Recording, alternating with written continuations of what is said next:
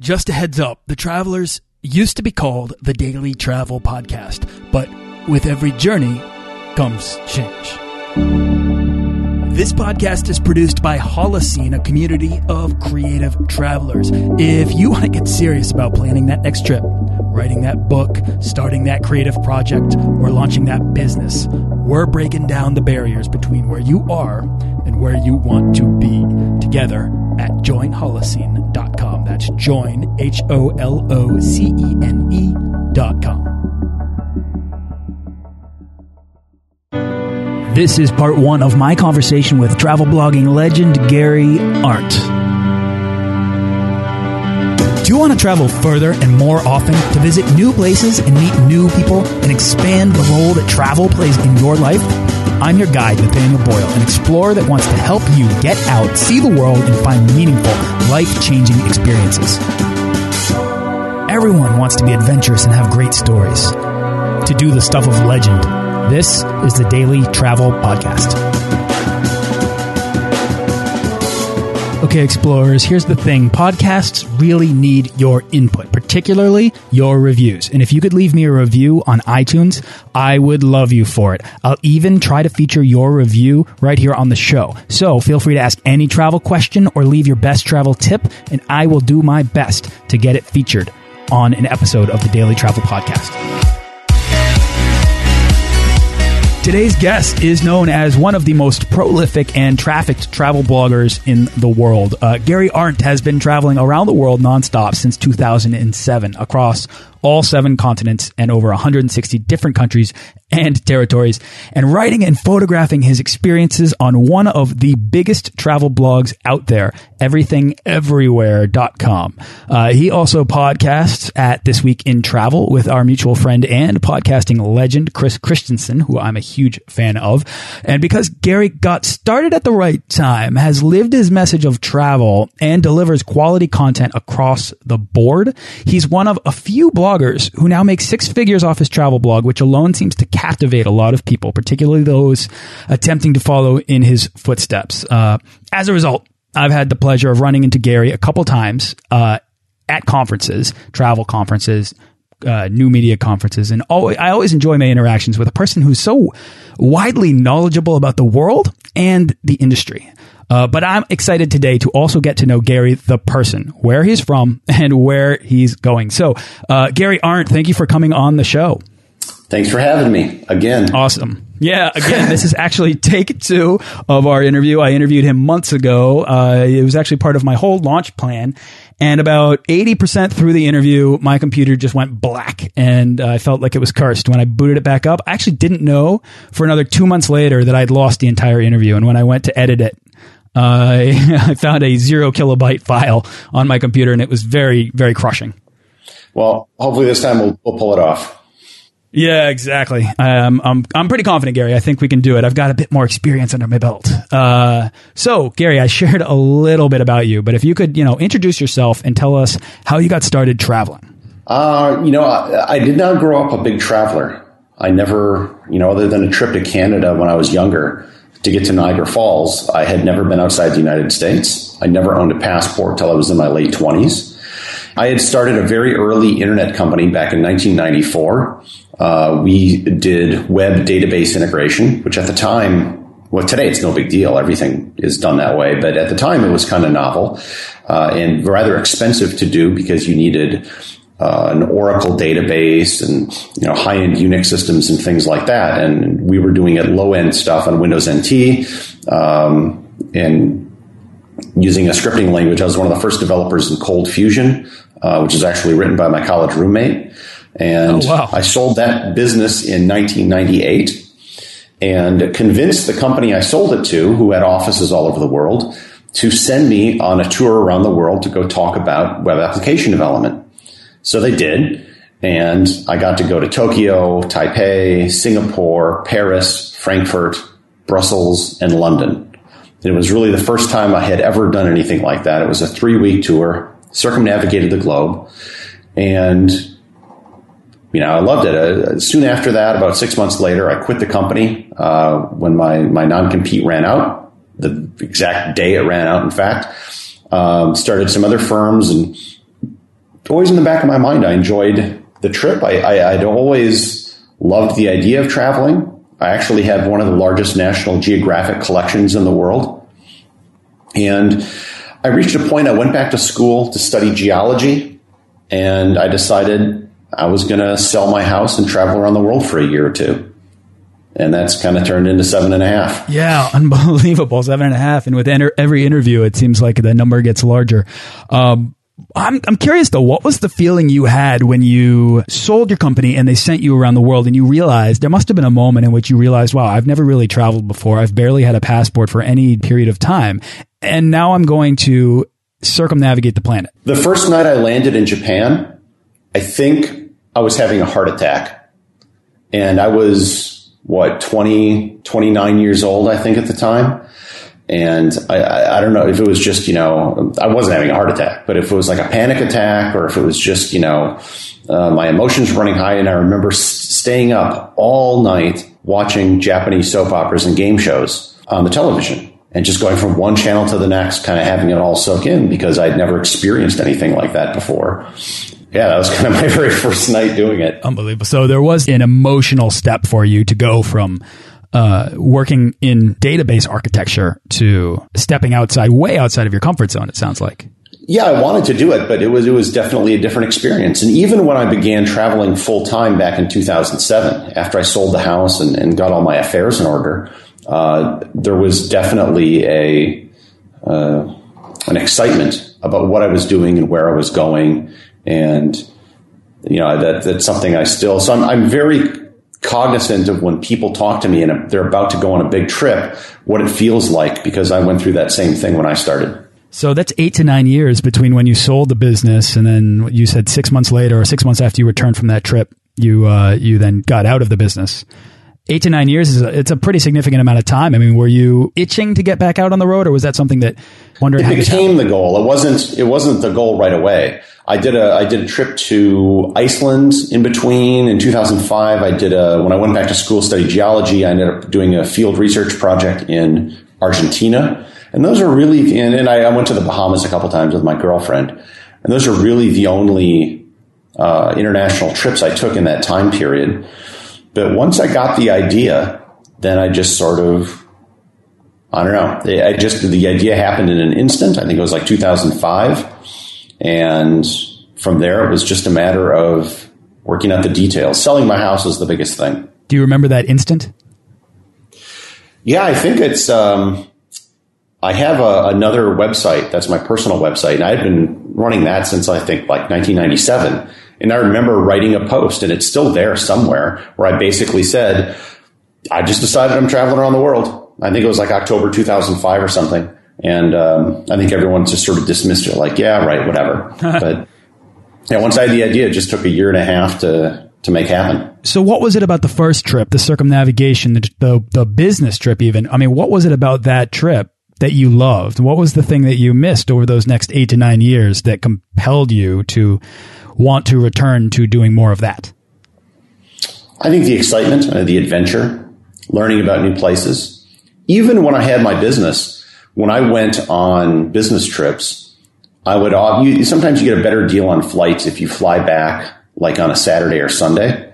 So if you stay part of the weekend, I didn't have kids or anything, so I was always willing to do that. And then I would always go visit national parks or uh, places nearby as kind of a way to kill time while I was waiting for the flight back. So it really was just a global extension of, of kind of what I was doing and what I had always wanted to do. So, how do you define adventure in this case as somebody who had not traveled very much and had stepped outside of their comfort zone, is having what could be a panic attack in Tokyo? Uh, what's your frame of reference for adventure at that point, and uh, how has that? How did that change by the time you got to eight or nine years later, and you wanted to start to create a life of travel? I think just going to a foreign place is adventurous if you've never been there. Mm-hmm. Just being in a place where everything is different, the language is different. Um, many of the things that you take for granted on a daily basis are just different. Uh, there's just a, you know whether it's driving on the right or driving on the left. Uh, you you notice things. Uh, one of the examples I always point out is the first time I went to Canada when I was younger. Your eyes are naturally drawn to the things which are different because for the most part, everything's kind of the same if you're coming as an American. And the same is true if you're Canadian coming to the United States for the first time. When I went to Japan, I remember going in a 7 Eleven and everything is different, right? Instead of wieners on that little tray that goes round in circles, they have fish balls or something like that. And I remember seeing, oh, they have Coke and they have Lay's potato chips. We have the, your eye is drawn to the things which were the same because so much was different you couldn't just you, you couldn't deal with all the differentness at first so you're naturally drawn to the things which are similar to what you're used to. I don't know if that answers your question but that was just one of the things i noticed. No it does. I mean it, i think it absolutely does because to me i mean adventure is certainly relative and we all have our own sort of definitions of what we need to get out of it whether that's you know arctic exploration or it's a simple food experience in your backyard right? Like there are different degrees of adventure and i'm very curious about people who get their start traveling later in life and you know don't have that sort of childhood experience. Because for me gary i got started when i was five. I turned six in england and i had a very imaginative exploration of that landscape as a kid who suddenly became aware that wait there are castles and there are kings and there are suits of armor and swords and all these things are there to play with. And and um and so for me my whole life i feel has been at least as it relates to travel, has been an attempt to sort of recapture that experience every time I go. You know, so I was just down in Mexico and I stayed in Puerto Morelos, which is a little town in the shadows of Cancun, just in an attempt to sort of find that imaginative world to explore and find those feelings that I had as a kid. Um, but I don't have a frame of reference for people that get started traveling in their late 20s or 30s. Um, but I, I, love to hear about, you know, how you react to new stimuli on the road and what sort of, uh, response you have. Very often it's a, uh, it's a sense of being more alive. At least that's what's articulated on this show. And then there creates this sort of desire for new experience. It's a, it's a, it's an addiction really. And I think it's a, a common, a common sentiment that once you get a, a taste of, of what's out there and what's new out there, you, I don't know if it's a dopamine reaction or what, but you, you, you, you get this feeling of like, of excitement as if you're on adventure and you just want to pursue more of that new experience. Um, it, it's definitely different than what it was when I started traveling full time. Uh, the sense of excitement, it's not the same. For example, I'm in Toronto now, so here I, after this I go to Turks and Caicos, Ireland, Malta, Cyprus, Greece, and then from Greece I'm going to head up to Serbia via Albania, Macedonia, Kosovo. I've never been to most of those places before. I have no plans. I'm just pretty much showing up. I'm not worried about it in the slightest because I've done this dozens of times in dozens of countries around the world. And it's more of an intellectual thing at this point. Oh, I'm going to Albania. Not, oh man, I can't wait to go to Albania. And the things that get you excited or that you, I think you, you really need to get excited about now tend to be more extreme. So, you know, in the back of my mind, I'm figuring out how I can get to the South Pole, how I can get to the North Pole, um, doing, you know, ever more remote places.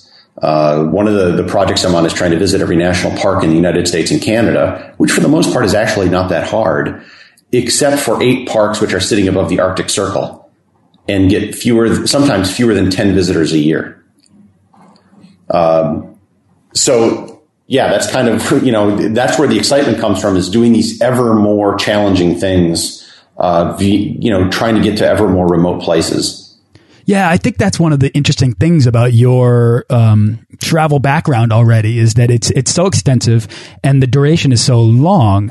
Uh, but India, mainland China, Brazil, Russia, I mean, it's it, it, I've I've heard interviews with you before in which you've said you haven't been to any of these massive countries. So not yet, no. Yeah, that's so funny. I mean, is it something about the larger countries that doesn't attract you, or is it just that they're too easy to get to and your goals are more?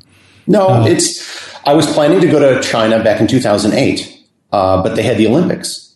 And so when I was first going to go, it was winter. And I said, screw that, it's cold. And when I was ready to then go, they were stopped, they stopped issuing visas for a while because of the Olympics. So I just kind of skipped it. Then I think it was 2009. I was kind of heading back to the US for the first time in a couple of years. And I was going from Bangkok to Dubai.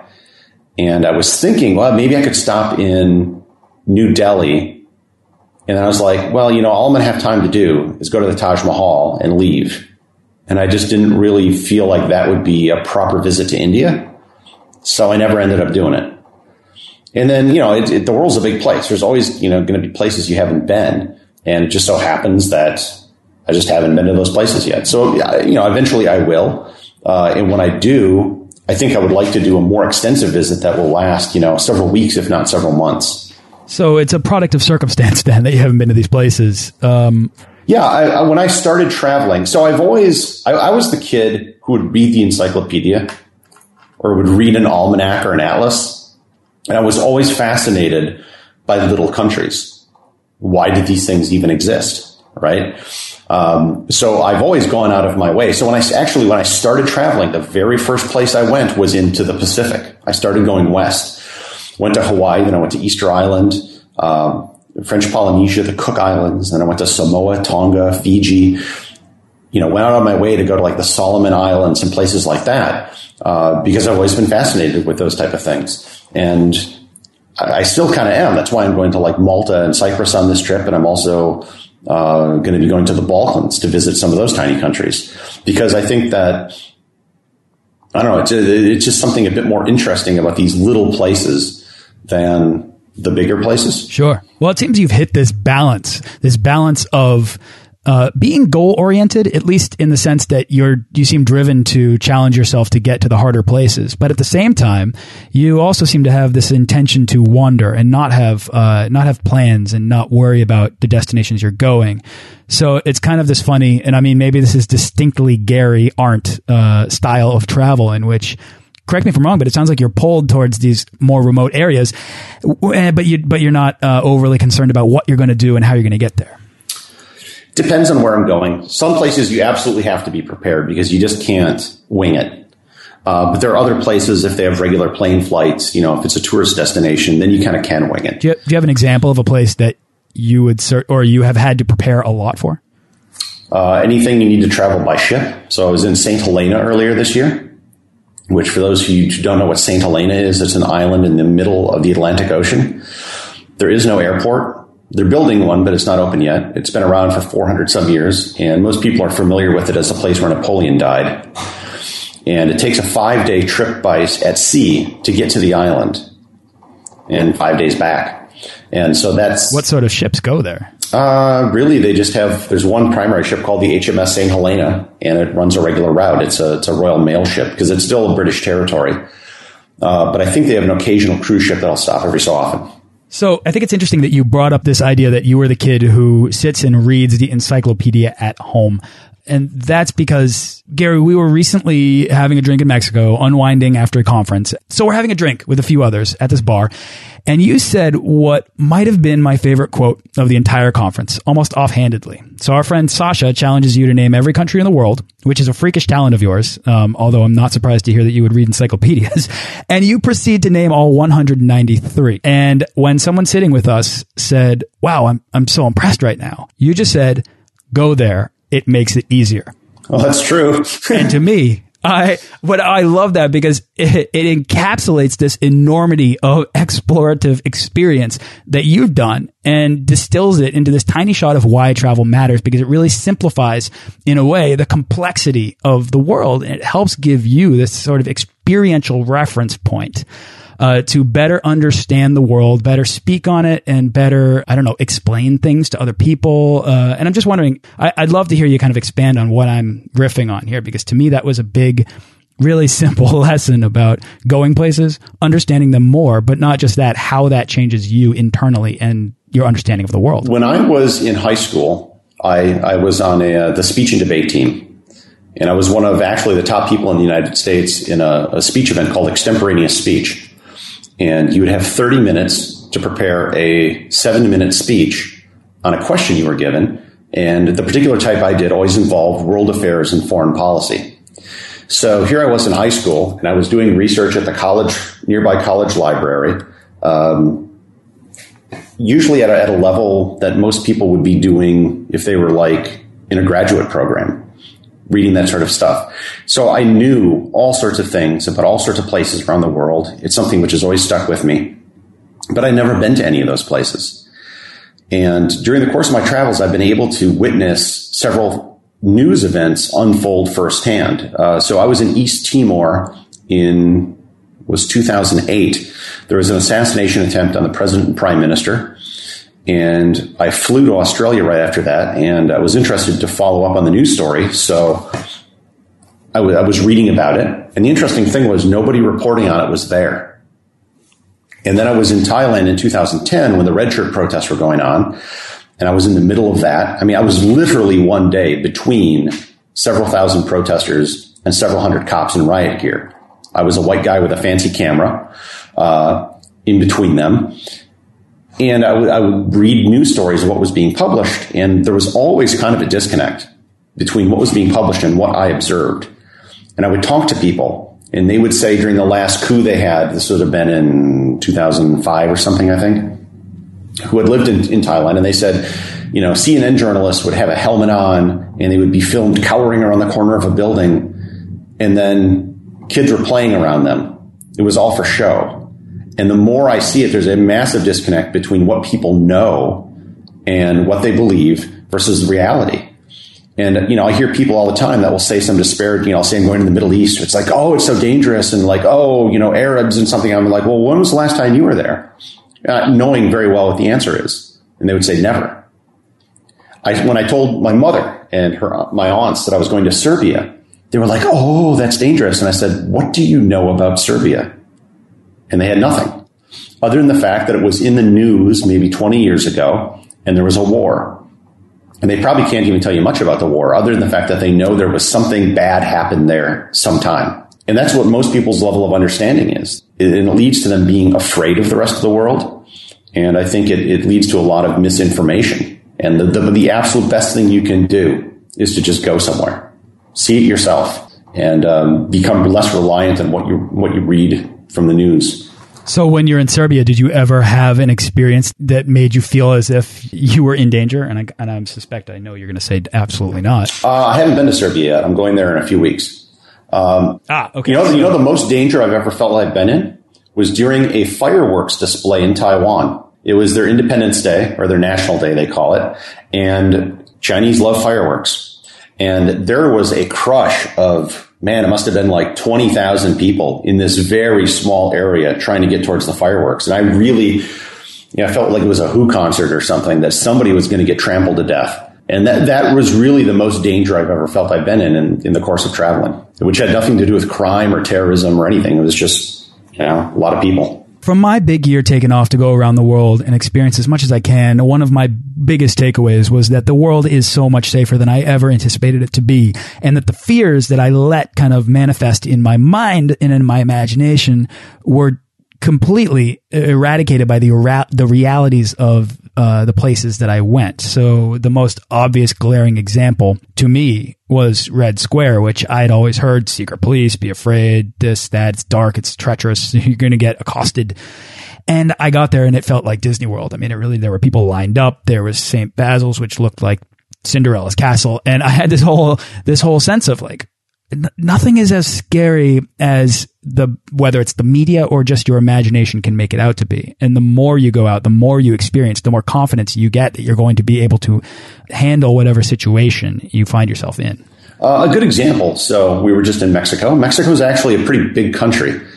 There's close to 100 million people that live in Mexico. It's a sizable place. And every so often you hear about some drug lords or, or something bad that happens in Mexico. So you say, oh, you're going to Cancun or Playa del Carmen or someplace in the Yucatan, and people are like, oh, Mexico's dangerous.